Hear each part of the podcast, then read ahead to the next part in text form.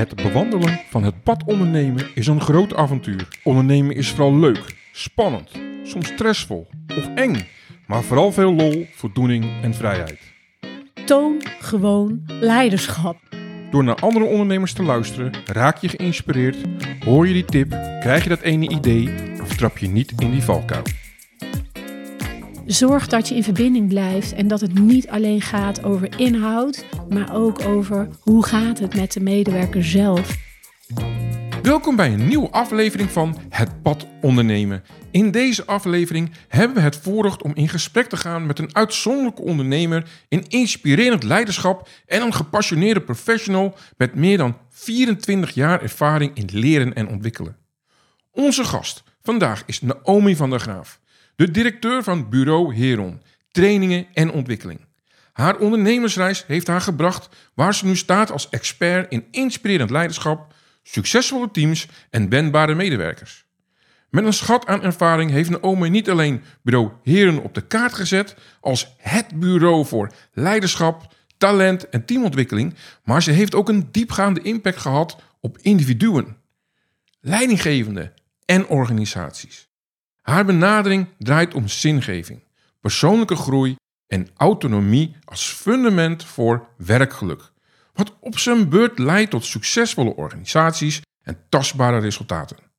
Vandaag duiken we dieper in Naomi's inzichten over inspirerend leiderschap, haar visie op de huidige uitdagingen in leren en ontwikkelen en hoe ze haar passie vertaalt naar maatwerkprogramma's die organisaties helpen gedijen.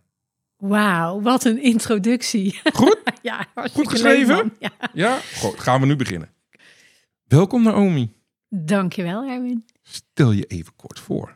Ja, ik ben Naomi. Ik ben een gepassioneerde ondernemer. eh, bijna 47. eh, woon in Breda samen met mijn dochter Feline. Ze is 14. Oh, mooi. Heel mooi. Een heerlijke leeftijd. Ja, ja, absoluut. Maar ik wil even de diepte ingaan met jou. Nou al. Ja, nu al.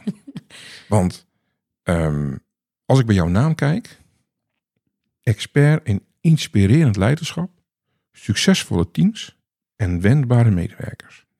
Wat was je drijfveer om specifiek hiervoor een ontwikkeling- en trainingbureau op te zetten? Ja, wat een leuke vraag. Ik ben vanaf mijn schooltijd ben Mhm. ik bij een trainingsbureau gaan werken. Ik heb daar eh, eerst op een binnendienst eh, gewerkt, een aantal projecten gedaan voor eh, gemeenten en sociale werkplaatsen. Ik heb leiding gegeven aan een binnendienst. En daarna werd ik consultant. Mhm. Ging ik eh, op bezoek bij enige klanten. Mooie trainingstrajecten Ja, ehm, voor mogen ontwikkelen en aanbieden, mee mogen denken in allerlei vraagstukken. En ik wilde al heel lang voor mezelf beginnen. Ja.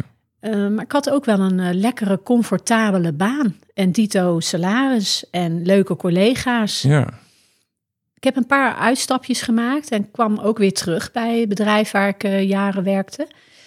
Ja, ik voelde op een gegeven moment een bepaalde urgentie mhm, om ja, mijn eigen onderneming te starten.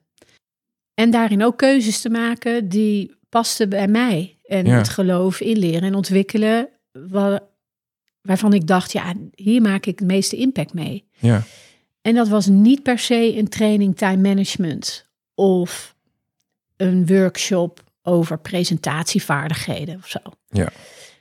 Maar wat ik zag is dat ehm, als we het hadden over leiderschap, dat daar vaak wel wat standaard ehm, programma's Ja. werden aangeboden. ja, Dat in een tijd waarin ehm, de ja, context waarbinnen medewerkers werkten heel snel veranderde ja, eh, er weinig aandacht was voor veerkracht, wendbaarheid, vitaliteit. ja, Dat zijn wel thema's waar ik zelf ook tegenaan liep als medewerker van een, ja, binnen een organisatie. ja, Dat ik dacht, ja, daar wil ik meer aandacht aan besteden. En als je het hebt over leiderschap, dan zie je vaak ook teams die worstelen. Ja. Of teams die willen verbeteren in samenwerken, Ja. communicatie, bouwen aan vertrouwen. Dat daar ook een leiderschapsvraag achter zit. Toen dacht ik, hé, hey, dit zijn mijn drie thema's. Hier wil ik mijn onderneming omheen bouwen. En wat minder gericht op basisvaardigheden als time management of presentatievaardigheden. mhm, En zeker niet heel commerciële trainingen. Die had ik ook al wel gehad en gezien en gedaan. Ja, ja. Dus ja, dat sprak mij ook wat minder aan. Dus vandaar dat ik dacht, ik ga ondernemer worden.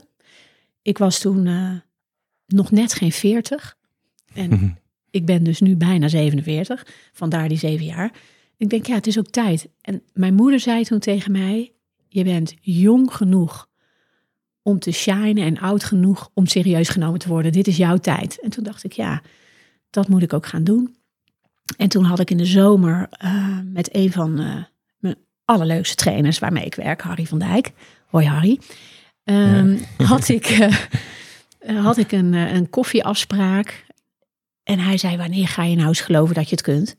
ja, En wij hadden zo'n mooi gesprek. En hij gaf mij dat laatste zetje.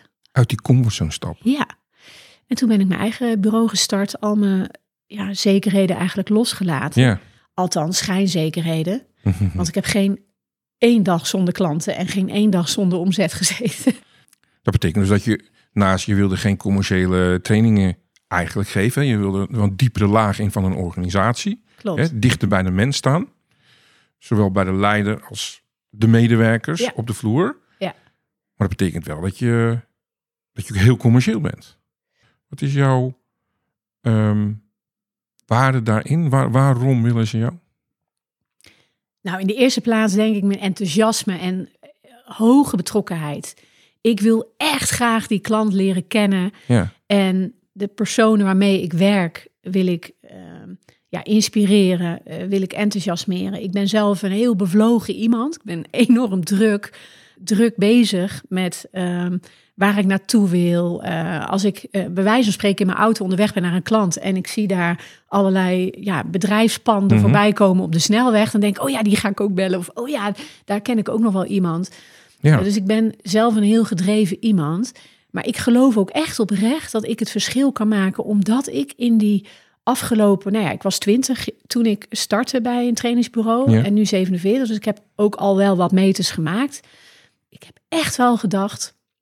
Ik kan het verschil maken omdat ik en perfectionistisch ben en heel gedreven ben. Maar ook vooral mijn enthousiasme en mijn integriteit. Dus mijn oprechte aandacht voor die klant Ja. in kon zetten. En ik heb veel commerciële functies vervuld. Mhm. En ik werd daar soms door collega's genoemd als salestijger. ja.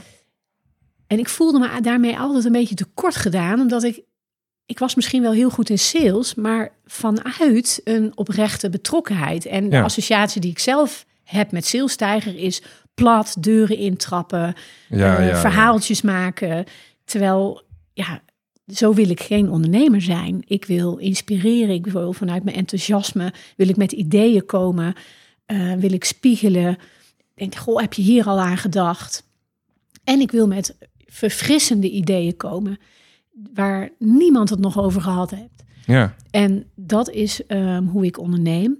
Dus ik wilde af van mijn label salesstijger, ook al was ik commercieel in loondienst heel succesvol. Mhm. Ja, ja, merk ik nu ook dat succes, maar wel vanuit mijn eigen gedrevenheid en eh, oprechte interesse in, eh, in, in klanten en het Ja. bedrijf achter die mensen. ja, maar dat is ook mooi. Maar ik geloof zelf ook, kijk, kijk sales, daar zitten heus wel basisprincipes achter, toch? Zelfsprekend. Maar ja. dat kun je nooit echt goed in praktijk doen zonder passie, motivatie voor het product.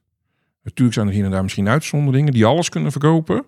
Maar uiteindelijk wordt het dan een trucje, denk ik. En dan vinden mensen het, eh, ja, daar prikken mensen doorheen.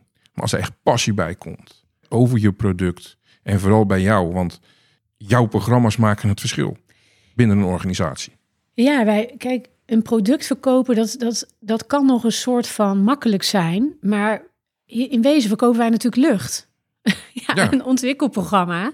Ja, daarin heb je ook de mensen nodig en de wil om te ontwikkelen. Maar Ja. die wil is er niet altijd. Als we Nee. een vraag krijgen, zien we ook wel eens teams waar er helemaal geen wil is. Waar een cultuur is ingesleten van wantrouwen, van niet gewend zijn om elkaar feedback te geven.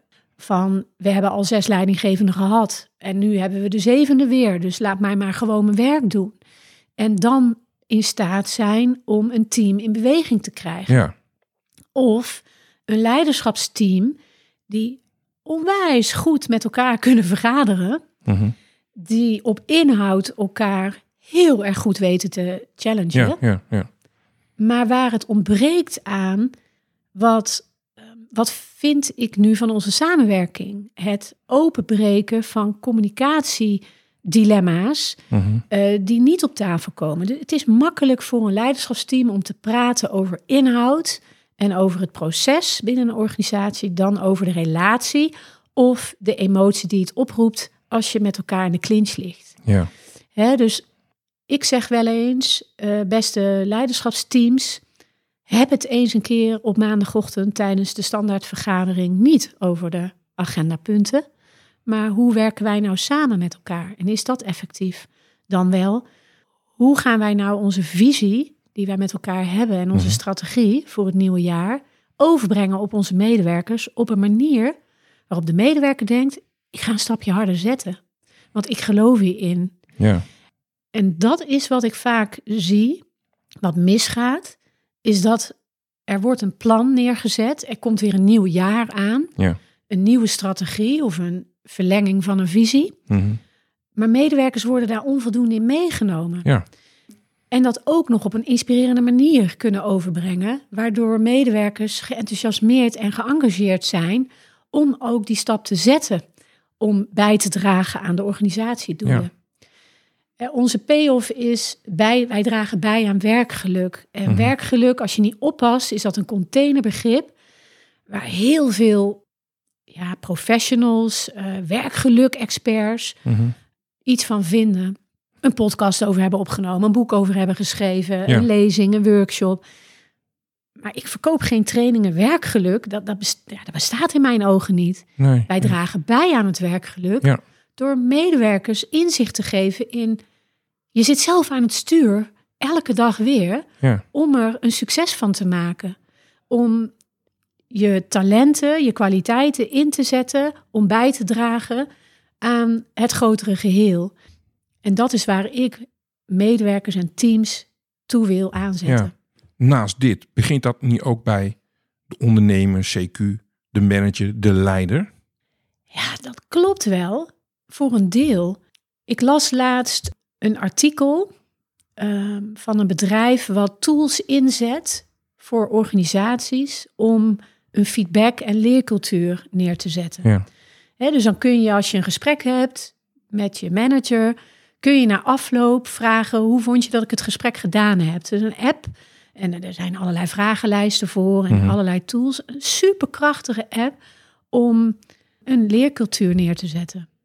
En daarin, in dat artikel was er min of meer de strekking. Ja, maar het is de leidinggevende die moet zorgen voor een leercultuur en voor eh, een context waarbinnen feedback, openheid, Mhm, mhm. eh, elkaar wat teruggeven, aanspreken eh, Mhm. mogelijk gemaakt wordt. Maar ik ben het daar niet mee eens. Want het is ook de medewerker die aangezet mag worden, die eigen verantwoordelijkheid heeft. Absoluut. Kijk, er zijn ook organisaties die zijn zo opgebouwd in hiërarchie en eh, de standaard functionerings- en beoordelingsgesprekken, wat ik jaren tachtig vind, meteen afschaffen. En ik zal ook zeggen waarom. Je wil toch dat ook medewerkers zelf gaan nadenken, wat wil ik bijdragen? Hoe zit ik in mijn rol? Hoe zit ik in mijn functie? Wat heb ik nodig? Ja, En je kan dat wel neerleggen bij dan wel HR of leidinggevende, maar je moet dat samen doen. En in dat samen, daar zit volgens mij de sleutel. Je kan niet meer zeggen, ja, maar dit is van HR of ja, maar dit moet in de lijn liggen. Ja, tuurlijk moet, mo- moeten ook leidinggevende lijnen uit kunnen zetten en medewerkers mee. Maar medewerkers hebben ook een eigen verantwoordelijkheid om zelf aan het stuur te zitten Ja. van hun loopbaan. En dat vind ik zo mooi, om daarmee aan de slag te gaan. Het Ja. is en-en. En daarom ook niet alleen inspirerend leiderschap en succesvolle teams, maar die wendbare medewerker. ja. Zet die medewerker ook het moet aan. hand in hand gaan. Absoluut. Ja, ja. Hoe definieer jij inspirerend leiderschap en hoe verschilt dit volgens jou van traditioneel leiderschap? Want je had het net over, ja, vind ik zo jaren tachtig.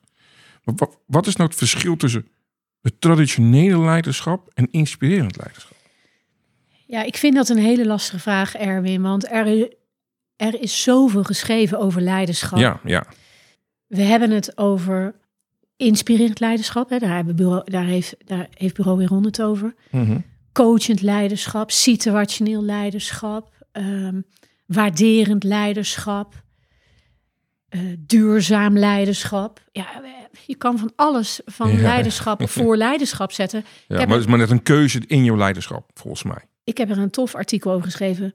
Toon gewoon leiderschap. Ja. En daarmee wil ik aangeven welk label je ook aan het leiderschap plakt binnen je organisatie. Twee korte adviezen erover. Hou een keer het een aantal jaren vol in plaats van elk jaar een nieuw model introduceren.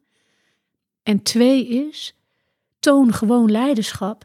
Leiderschap vanuit authenticiteit en verbinding. Dat zijn de twee woorden die ik eraan wil geven. En ja, dat voert te ver om daar nu. Ja, daar kan ik een hele podcast over vullen. Maar authenticiteit en verbinding. Authenticiteit zegt iets over de leider zelf. Kun jij, ben jij in staat om een deel van jezelf mee te geven? Mhm. Dus laat, beste leider, jezelf zien in je kwetsbaarheid, in je ongemakken, in je onzekerheid. Want dat heeft namelijk elk mens. En maak verbinding. Dat is na de tijd waarin we thuis moesten werken cruciaal geworden, Mhm. die verbinding. Want ineens is er een hybride team. Je geeft leiding op afstand deels. Zorg dat je in verbinding blijft en dat het niet alleen gaat over inhoud, maar ook over hoe gaat het met de medewerker zelf. Zie de medewerker in, eh, ja, in zijn geheel, wil ik eigenlijk zeggen. Dat klinkt wat zweverig, maar het is heel Nee. concreet. Ja. Eh, heb het niet alleen over de functie, dagtaken, weektaken, maar heb het ook over hoe zit je in je vel? En hoe kan ik voor jou een betere leidinggevende zijn? Ja. Hoe kunnen wij jouw talent meer inzetten ehm, in plaats van dit is jouw functieprofiel, dit zijn jouw taken en ja, dit is de ontwikkeling die ik van jou verwacht. Maar Ja. wat verwacht jij van mij? En stel jezelf daarin kwetsbaar op. Dus dat ik net zeggen, ja, kwetsbaar opstellen. ja, en, en dat ehm, is voor sommige leidinggevenden eh, een uitdaging. Mhm. Voor elk mens misschien wel. En misschien dat als je dat laat zien, dat medewerkers daar ook wel meer openheid eh, in kunnen laten zien. En die openheid, dat vertrouwen, eh, die verbinding, van daaruit valt er zoveel te leren. Mhm. En dan pas heb je een cultuur waarin je feedback durft te geven, waarin je betrokkenheid kan laten zien. Dat is eigenlijk hè, wat Lencioni zegt in zijn boek De Vijf Frustraties van Teamontwikkeling. Het begint met vertrouwen. Ehm, dus als je mij vraagt, ja, wat is het verschil tussen traditioneel leiderschap en inspirerend leiderschap? Ja, wat is traditioneel leiderschap zou ik bijna willen zeggen. Ik wil me eigenlijk niet branden daaraan, maar mijn visie is wel, beste leidinggevende, laat authenticiteit zien en zorg voor verbinding. Heel mooi gezegd. Ik ben zelf ook leider geweest natuurlijk. Ik kan me daar heel goed in vinden inderdaad. Ik hang aan je lippen. En door. nee, maar je had het net al over teams.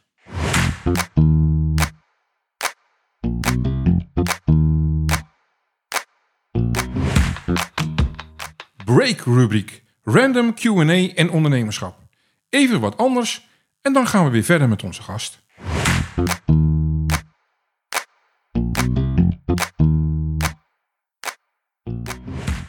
Stel je voor, een bruisend bedrijf in volle groei. Vol ambitie en plannen voor de toekomst. Vaak een MKB-bedrijf. In elke groeifase wordt er met volle energie aan de toekomst getimmerd.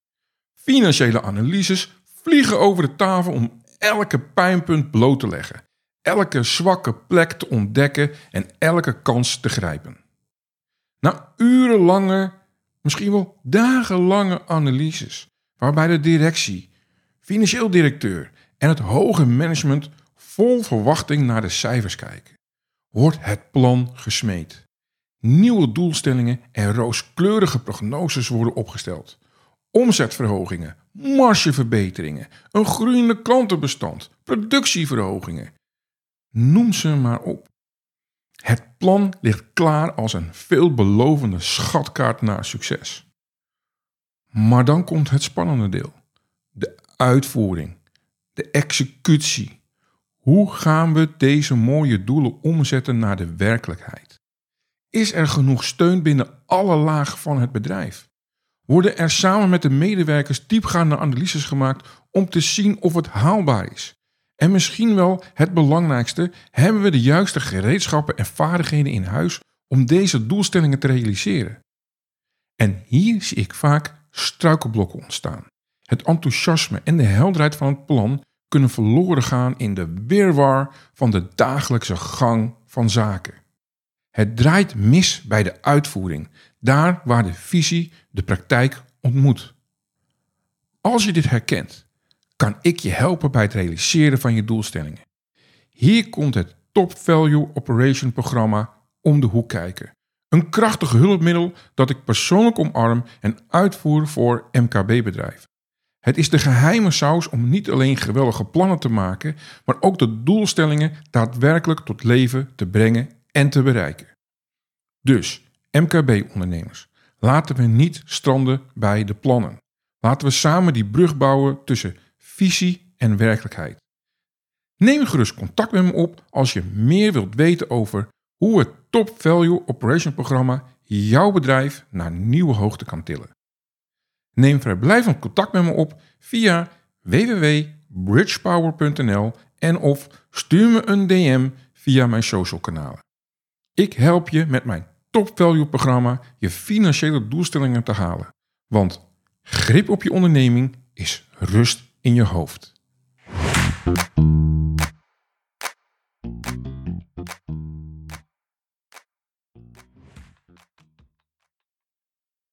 Maar wat is volgens jou de sleutel tot het ontwikkelen van een succesvolle team en hoe draagt dit bij aan een algehele prestatie van een organisatie?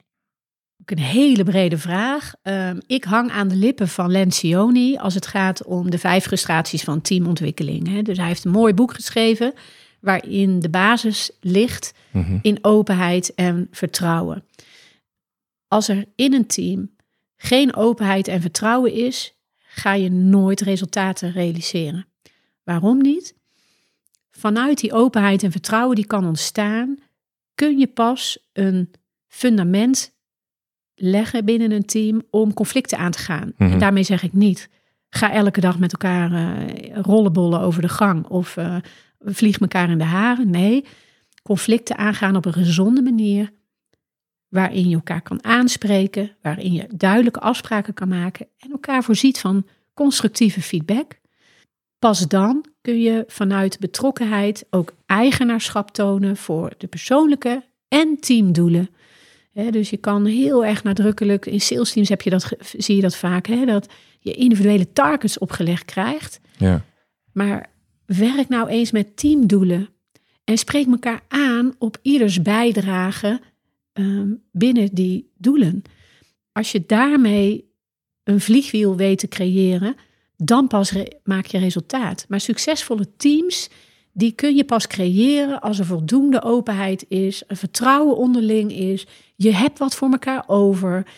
Je bent betrokken bij elkaars werk. Dus je zit niet in silo's te werken. Of hey, dit is mijn taak en ja, dit is jouw verantwoordelijkheid. Tuurlijk heb je verantwoordelijkheden, mag je elkaar daarop aanspreken. Maar de kracht van teamontwikkeling zit ook in: ik heb wat voor jou over. En wij zetten samen die extra stap. Ja. En lukt het jou niet? hey, mijn kwaliteit zit juist daar. Maar dat lijkt me zo moeilijk, hè?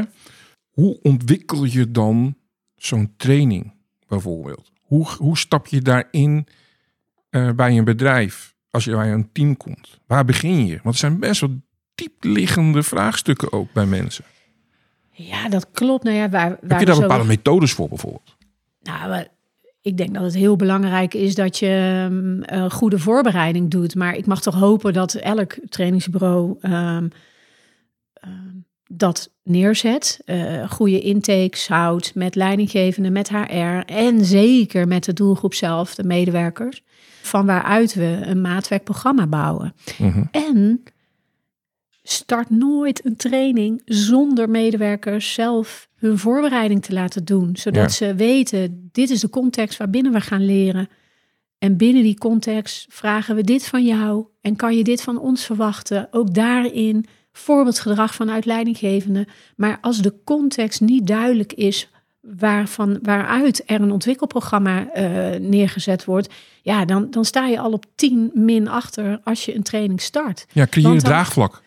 Ja, ook. Maar je wil niet dat medewerkers komen consumeren, maar proactief Mhm. meewerken, meedenken en zich van daaruit gaan ontwikkelen. Ja. Dus stop met trainingen uitrollen die niet zijn voorbereid met de doelgroep zelf. Dus ik zeg altijd medewerkers, kom erbij, formeer een klankbordgroep, formeer een projectgroep waarin medewerkers mee mogen denken ja, over de invulling van een programma. Ja, ja. En zo maak je maatwerk. En zorg je ervoor, als dat maatwerk dan eenmaal staat, dat je mensen uitnodigt om zich voor te bereiden. En ja, we werken heel erg casuïstiek gedreven en ervaringsgericht. Dus casuïstiek gedreven, het moet relevant zijn voor de medewerkers. Mhm. Ook dat vind ik weer een open deur, niks spannends aan. Het spannende bij ons is dat ik denk dat we wel een friskijker zijn op ontwikkeling. Mhm. Dus eh, innovatieve leer- en werkvormen neerzetten die bijdragen aan, het impact, aan de impact van zo'n training of workshop. Ja, Ehm, en- en een voorbeeld daarvan is eh, onze virtual reality experience en gamification die wij inzetten en die we zelf hebben ontwikkeld. Met name VR op leren en ontwikkelen is nieuw. daar geloof ik heel erg in. Gamification en dat soort dingen. Nou, eh, zeker. Ehm, eh, het mag. Het is een onderdeel van. Het mag nooit leading zijn. Hè? Ik bedoel, Mhm. eh, leervormen zijn ondersteunend Mhm. aan een ontwikkelprogramma. Maar ik ben er heilig van overtuigd dat, dat je mensen uit een comfortzone haalt, iets verrassends neerzet, dat je daarmee een grotere impact maakt op leerinterventies, omdat je het er s'avonds nog eens over kan hebben. Of de dag daarna met je team. Van jeetje, wat we gisteren hebben meegemaakt, dat was echt gaaf. Mhm. En daarmee denk ik wel dat je een leercultuur kan neerzetten eh, waarbinnen ehm, feedback mogelijk is. Nogmaals, waarbinnen je een extra mijl wil zetten, waarmee je echt kan ontwikkelen als individu, als team, als organisatie. Ja, mooi. Hoe ga jij om met verandering en complexiteit in de huidige zakelijke omgeving? Je bedoelt als ondernemer? Ja, Nou, ik heb wel wat uitdagingen gehad. Ik eh, wil er twee noemen. Mhm. Eén is in een tijd waarin we als trainingsbureau thuis moesten blijven en niet meer mochten trainen. Hè, in de Ja, tijd van ja. de pandemie. Ja. Was de markt ineens tot stilstand gebracht. En moesten wij creatief zijn als ondernemer. Dus wat we zijn gaan doen is heel zichtbaar zijn op LinkedIn onder meer. We hebben remote learning tracks ontwikkeld en we zijn heel veel online gaan doen. Ehm, om toch ook die verbinding te houden met de managers en medewerkers thuis. Dat was een Mhm. uitdaging, want we waren niet zo gewend. We riepen wel al vanaf jaren tachtig, we moeten blended learning trajecten en e-learnings en ja, incorporeren in onze ontwikkelprogramma's. Maar het echt doen, dat was mager. Dus Ja. toen wij ineens allemaal online moesten gaan trainen en leiderschapsprogramma's of teamtrajecten waar het schuurt ineens online een workshop moesten gaan doen. Ja, die impact was natuurlijk minimaal. Dat hebben we wel geprobeerd. Ehm, ook al, en dat was een stretch voor onze trainers, dat was een stretch voor onze klanten en voor mijzelf als ondernemer. Toen ik zag, hé, hey, wij verliezen nu tonnen omzet. Want ja, organisaties die cancelden eh, ja, ja. ja. eh, alle trainingen eigenlijk, omdat we ook niet wisten waar gaat het heen. Mhm. En op een gegeven moment dacht, oh, dit gaat nog wel even duren. Laten we creatief zijn en naar een online eh eh, leerinterventie gaan. Maar je begrijpt, ja, je gaat niet eh, een traject van, eh, ik zeg maar wel drie keer twee dagen, eh, twee dagen online trainen. Dat doe je niet. Dan verzin je daar andere, kortere leerinterventies voor. Hebben we ook gedaan. In die tijd hebben we ook onze game ehm, Moving Forward. Die gaat over veerkracht en wendbaarheid ontwikkeld.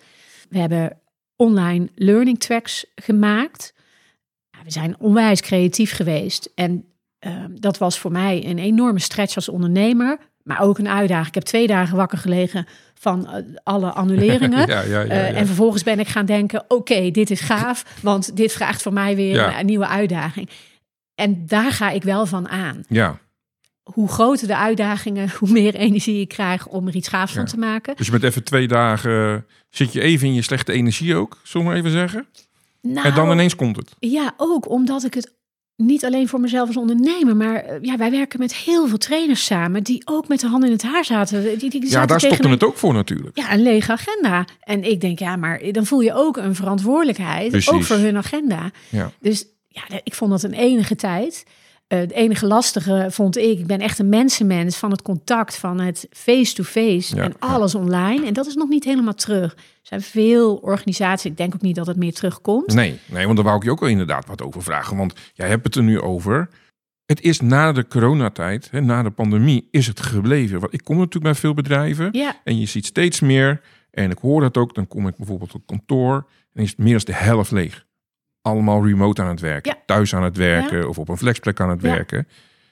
Dat vergt ook een andere manier van leiderschap. Voor de managers, voor de ondernemers, noem maar op. Ja, nou ja, daarin hebben we, we hebben bijvoorbeeld een workshop gedaan, lichaamstaal digitaal, voor teams. En dat was super succesvol. Voor teams die heel veel online vergaderden, heel veel online samenkwamen. Ehm, om ook te zien van, hé, hey, wat is nou de lichaamstaal? Hoe maak je verbinding online? En wat ik net zei, inspirerend leiderschap gaat over authenticiteit en verbinding. Ook dit, hybride leiderschap, het gaat niet meer weg. Zorg dat je inhaakt op teams die en voor het, ja, voor het grijpen uh, liggen, zeg maar. Dus, dus je bent aan, bij het koffiezetapparaat en je bent fysiek aanwezig met je team, maar ook teamleden die op afstand werken in een andere stad, in een ander land of thuis aan het werken zijn. Zorg dat je in die verbinding blijft en dat vraagt ander leiderschap. Je vroeg mij net, wat zijn voor jou uitdagingen geweest? Ik zei, mhm. ik heb twee punten. Dus ik wil een uitstapje maken naar punt twee. Want punt één was inderdaad wat jij zegt. Hè? Het, leiding geven op afstand, maar ook het samenwerken op afstand. Mhm.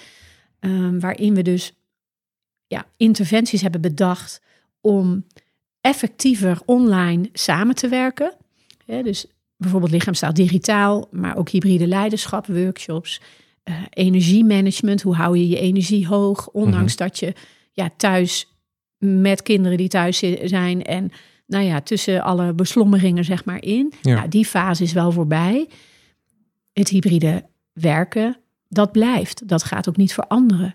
de grote kantoorpanden van de grote corporate organisaties, die krijgen een andere plek. Ja. Als ondernemer, um, die fase, ja, daar zijn we wel uit. Uh, voor mij kwam er persoonlijk een tweede fase waarin mijn partner ernstig ziek is. Die is inmiddels overleden in mei. Oh, oh. Um, en ter voorbereiding op die fase waarin we wisten eh, dat hij uh, ja, ons zou ontvallen, ja. heb ik getracht om mijn team aan het, ja, te installeren op die fase van, van rouw en afscheid. En ja, dat was denk ik nog uitdagender uh, vanzelfsprekend, omdat er een heel, ja, je verliest je partner, heel emotioneel voor, voor, voor mij en mijn dochter en voor alle ja, mensen om hem heen en de kinderen van, uh, van André. En tegelijkertijd, je bent ook ondernemer. Je business gaat door klanten hebben begrip tot zekere hoogte. Hè? Er zijn projecten uh, um, opgezet. Ik had notabene een maand voor André zijn overlijden twee heel belangrijke pitches bij nieuwe klanten. Ja. in je introductie zeg je niet, hoi, ik ben nee, ook van de Graaf en mijn partner is ongeneeslijk ziek. Ja, dat lijkt me wel heel moeilijk hoor. Dat was ook, dat was heel ingewikkeld. Ook omdat je graag van jezelf vertelt en mm laat zien wie je bent. En tegelijkertijd, ja, achteraf heb ik met beide klanten daar een heel mooi gesprek over gevoerd. Uh, waarom ik op dat moment in een pitch met allemaal directieleden en managers niet ga vertellen: ja, ik, ik zit in een situatie waarin mijn partner ongeneeslijk ziek is. Eén klant wist het wel, maar de aanwezigen niet. Maar uiteindelijk is dit mensenwerk. En ook voor mij gold, ja, en dat, dat was zo lief van André, die zei: ga, dit is jouw toekomst, dit is jouw werk dit is jouw passie. Ga gewoon. En hij stimuleerde mij ongelooflijk als ondernemer. Hij, we sparden heel veel met elkaar over mijn business, over dingen die niet lekker gingen. Hij hielp mij ook waar hij kon met ja, trainingsmateriaal versturen naar de drukker. En dat vond hij enig om ja, in zijn ziekteproces toch nog iets te kunnen doen. Dat was een hele mooie tijd. En tegelijkertijd, twee weken na de uitvaart, had ik eh, met ja, het bedrijf waarmee ik dus een pitch... Want ik heb allebei de pitches notabene ook nog gewonnen. Ja, Oh. zij, zij, Oh, zij gaven mij een klein beetje respijt. Maar we moesten ook gewoon aan de gang. ja, En eh, ja, dat was zo'n stretch persoonlijk voor mij ja. om in mijn verdriet, in mijn rouwproces, gewoon weer aan de gang te gaan. En tegelijkertijd wist ik ook, mijn familie draagt mij. De klanten die wisten dat André op sterven lag, die hebben mij gedragen. Die zijn Mhm. ongelooflijk lief geweest. Mijn, mijn huis was wekenlang een bloemenwinkel. Waar Ja. ik elke ochtend als ik opstond met mijn tranen eh, mijn bloemen aan het verzorgen was. Ja, daar kijk ik zo mooi en dankbaar op terug. Ja, ja. En tegelijkertijd ehm, het gewoon bespreekbaar maken. In alle openheid vertellen. hey, ik ben een ondernemer. En dit is waar ik nu in zit. Ehm, ja, dat, dat is uiteindelijk ook ondernemerschap. Die wendbaarheid en veerkracht laten zien. Absoluut. Ik, ik ben vast niet uniek als ondernemer dat ik mijn partner ben verloren. Nee. We verliezen allemaal in ons leven mensen die dierbaar zijn. En het vraagt moed en veerkracht voor elk persoon, niet alleen Omi van de Gaaf, om daarin stappen te zetten. Ja, En stel je werkt 30 jaar met liefde en plezier bij een bedrijf. En een bedrijf, klant van mij, gaat fuseren met een heel groot concern. En er wordt gezegd tegen jou, beste Erwin, na 30 jaar vaste dienst, Mhm. verhuizen wij van eh, plek X in het zuiden van het land naar plek Y in, in het noorden van het land. Mhm. Jouw baan komt te vervallen. Dat is ook een rouwproces. Dat is ook afscheid nemen. Absoluut, Een heel ander ja. level. Maar ik wil maar zeggen, het leven vraagt soms gewoon veerkracht. Ja. Ook van mij. En ehm, wat ik hier uitgehaald heb is, er is begrip, er is aandacht, er is ruimte om ook gewoon te mogen rouwen. En de klanten blijven toch wel. ja. Er is niks nodig als zijnde, oh, nou gaat het allemaal mis. Oh, ik heb geen moment gedacht, nu staat het bureau hier rond straks onder water, nu moet ik straks op zoek gaan. Er geen moment, want ja, ehm, het komt goed. ja. Soms moet je ook gewoon vertrouwen hebben. Ja, soms. Altijd. Je mag uitgaan van vertrouwen. Ja. Het, komt, het komt goed. Ten eerste, bedankt dat je dit wilt delen, Nomi. Heel Ja. fijn. Eh, ik heb normaal ook altijd eh, bepaalde vragen over valkuilen hè, binnen het ondernemerschap. Dit is geen valkuil meer. Dit is, lijkt mij na zo'n proces, een soort wederopstanding van jezelf. Want ik kan me voorstellen dat je een heel diep dal hebt gezeten als mens, überhaupt, maar ook als ondernemer. Ja, Hè, je hebt het over veerkracht en wendbaarheid. Maar het is niet vanzelfsprekend. nou daarin wil ik wel een shout-out doen naar al mijn trainers, mijn programmamanager, mijn vormgever, die gewoon door zijn blijven gaan voor mij. Want ik heb vier maanden voor André gezorgd, samen met natuurlijk familie. Ehm, dat was een pittige tijd. Mhm. Omdat ik, ja, ik heb ook gewoon klanten te bedienen. Ik wilde ook doorgaan. Wat André ook zei, ga door, want dit is je toekomst. En daarna was ik doodmoe. Want ik was al moe voordat het proces zich inzette. Omdat wij heel Mhm. veel zorgen hadden om de gezondheid. Eh, toen hij overleed, kom je in een rouwproces... wat je voornamelijk alleen doet. Mhm. Maar je, je hebt ook gewoon klanten en je, je wil ook gewoon doorgaan. En ik wist ook niet meer zo goed hoe. En na twee jaar corona thuiswerken, toen toch wel twee jaar veel binnen, veel eh, thuis, ook weer werken Mhm. en zorgen voor, voor André, was het voor mij ook tijd om te herijken. Hoe ga ik mijzelf weer aanzetten Mhm. om proactief de markt te bedienen, weer zichtbaar te zijn, ehm, het weer leuk te gaan vinden, omdat je ook in een rouwproces zit. En het, ja, dat lukt. Ik, een nieuw, nieuw kantoor, een nieuw, nieuwe teamleden, weer groei. Ik ben allerlei sollicitatiegesprekken aan het voeren, omdat we gaan als een dolle, om het zo maar te zeggen, Ja. ondanks de omstandigheden. En Tuurlijk weten ja, de meeste klanten van mij niet hoe intens het is om vier maanden voor je geliefde te zorgen. En tegelijkertijd, zij weten ook niet hoe lief André voor mij was in het stimuleren om te ondernemen, om te gaan, om die Ja, klanten te blijven ja. bezoeken. We regelden dat wel met elkaar. Ja, dat is gewoon prachtig. We hebben een hele mooie tijd met elkaar gehad. Dat geloof ik. En nu breekt er weer een nieuwe tijd aan. Ja, weer van nieuwe kansen. Bijvoorbeeld deze podcast is helemaal uit mijn comfortzone. En ik vind het Ja. enig, want we hebben afgesproken om meerdere podcasts te gaan ja, opnemen. ja, ja. En daar ga je me ook bij helpen. En daarmee kan ik ook wat meer eh, laten zien en horen over hoe wij tegen bepaalde thema's aankijken. Ja, ik vind ondernemen, vond ik al leuk. Ik vind het nog steeds leuk met elke uitdaging die op mijn pad komt. Nou, ik in ieder geval, eh, ik kijk er naar uit om straks met jou voor Bureau Heron eh, meerdere podcasten te maken. Want ja, hey, we zijn nu eh, ongeveer 40, 45 minuten verder. En ik heb nog wel eh, 30 vragen bij wijze van spreken. Hè? Want ik vind het een heel boeiend onderwerp. Ook natuurlijk vanuit mijn geschiedenis als ondernemer, als manager, als leider.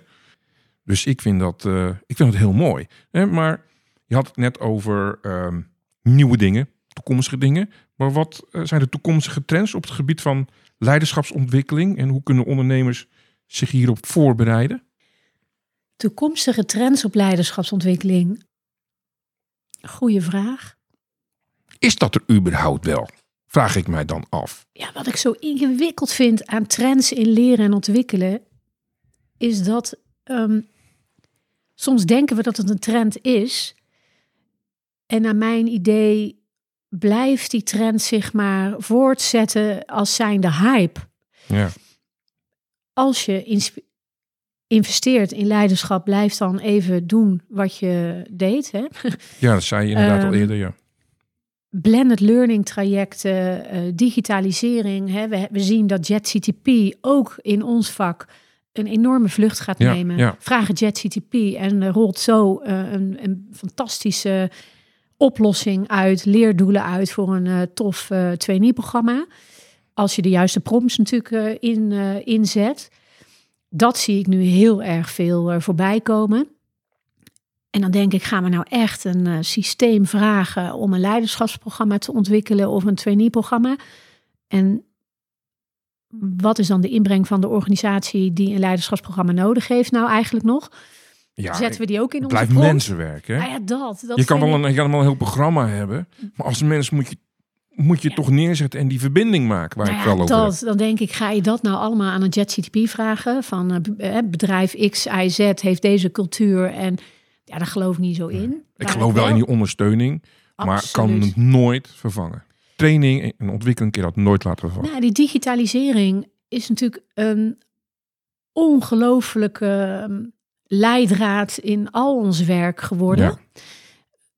En ja, dat kun je ook niet wegdenken. Eh, tegelijkertijd, ehm, ik zie wel dat hybride leiderschap, daar is nog onvoldoende aandacht Mhm. op. Generatieleren is er één Hele belangrijke. die, daar gaan we het in de volgende podcast over hebben, is er eentje die Ja. echt, doordat er één een stuk vergrijzing plaatsvindt, maar echt een groot verschil is tussen verschillende generaties in hoe zij tegen werk aankijken, tegen communicatie aankijken, Mhm. tegen ehm, ja, het binden en boeien aankijken, carrièrepaden. Ja, daar, daar mag meer bewustzijn op Ja. komen. Maar pas op dat het niet weer een trend wordt ehm, of een hype. Wat ik ook zie en wat ik organisaties gun, en dat is ook wel een ehm, uitdaging die ik zelf zie bij veel van mijn klanten, is onboarding. Eh, Er is een enorme vraag naar medewerkers en er, is, eh, ja, er zijn veel organisaties die worstelen met het eh, aantrekken van goed personeel. Ja, ja, ja. ja. Dat, En daar wat doe ik er- onder andere ook inderdaad bedrijven bij helpen. Ja. Maar dan gaat er om, nou heb je ze eindelijk. En dan? En dan? Ja, en dan zie ik veel organisaties een heel tof eh, introductieprogramma hebben van een week. En daarna mogen ze het zelf uitzoeken. Dus daar gaan we ook nog een podcast over maken. Omdat ik echt geloof in een onboardingprogramma van een jaar. En niet een eh, leuke introductiedag of week met een leuke rondleiding en een lunch met je team. maar nee, maar dat zie Ja. ik veel gebeuren. Ja, Eh, ja, dat is ja. wel een misvatting. Investeer in hemelsnaam langer dan een week in je nieuwe medewerker. Ehm, wat ik ook een gaaf onderwerp eh, vind, naast generatieleren en onboarding eh, en inspirerend leiderschap, is hoe zet je nu een trainee-programma op waarin je 21-eeuwse vaardigheden eh, ontwikkelt. We hebben het net gehad over bijvoorbeeld de digitalisering, Mhm, mhm. creatief denken, kritisch denken. Dat zijn allemaal onderwerpen die wat meer de aandacht mogen hebben. Ehm, nou ja, ik, ja, We kunnen echt Ik wil net zeggen- zoveel onderwerpen, hè, zoveel onderwerpen. Nou, Naomi, jij luistert meer dan een podcast, heb ik gehoord. Hè? Ja. Zo, eh, zo, eh, zo kennen we elkaar ook. En ehm, je weet, ik heb altijd twee laatste vragen. oh, dus spannend. eh, hou je oren vast. Geef, ons je, meest, waardevolle les. en toen was het stil. Ja, je mag erover nadenken. Mijn meest waardevolle les. Er zijn er zoveel, dat weet ik. Als je een trainingsbureau vraagt om een ontwikkelprogramma voor je neer te zetten, daag ze dan alsjeblieft uit om niet met de standaard geëikte verhalen te komen, maar echt fris te kijken. En durf daarin ook leervormen neer te zetten die niet zo regulier zijn. Mooi. Gaan we naar de tweede. De laatste ronde. De ondernemersuitdaging. Is leuk. Ben je wakker, hè? Zo hè? Ja, ja, ja. In welke valkuil zal jij niet meer stappen als ondernemer? Niet luisteren naar mijn gevoel. Mhm, Ik denk dat elke ondernemer een soort intuïtie heeft. mhm. Je bent ondernemer omdat je veel ideeën hebt, creatief bent, overal kansen in ziet. Mhm. En soms ehm, kun je dan wel eens door het stemmetje op je schouder, dat duiveltje van doe het maar niet, of de ja-maar show die eh, zich eh, in vol ornaat opzet, gaan luisteren en dan het toch niet doen. Dat heb ik wel geleerd door het dan wel te doen. Naomi, heel erg bedankt.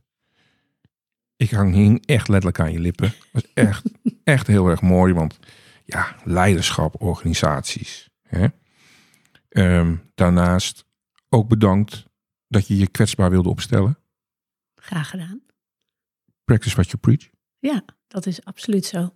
Authenticiteit en verbinding. Bedankt Naomi. Jij ook bedankt.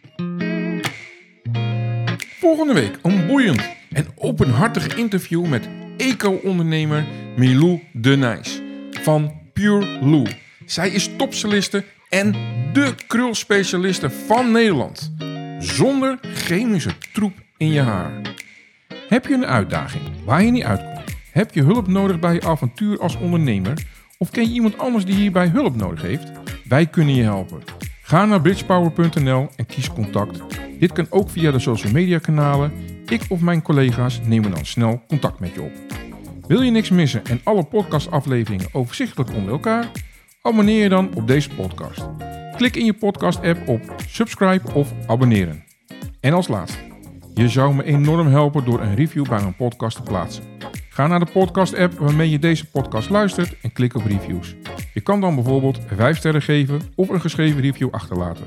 Alvast bedankt en tot de volgende podcast van Het Pad Ondernemen.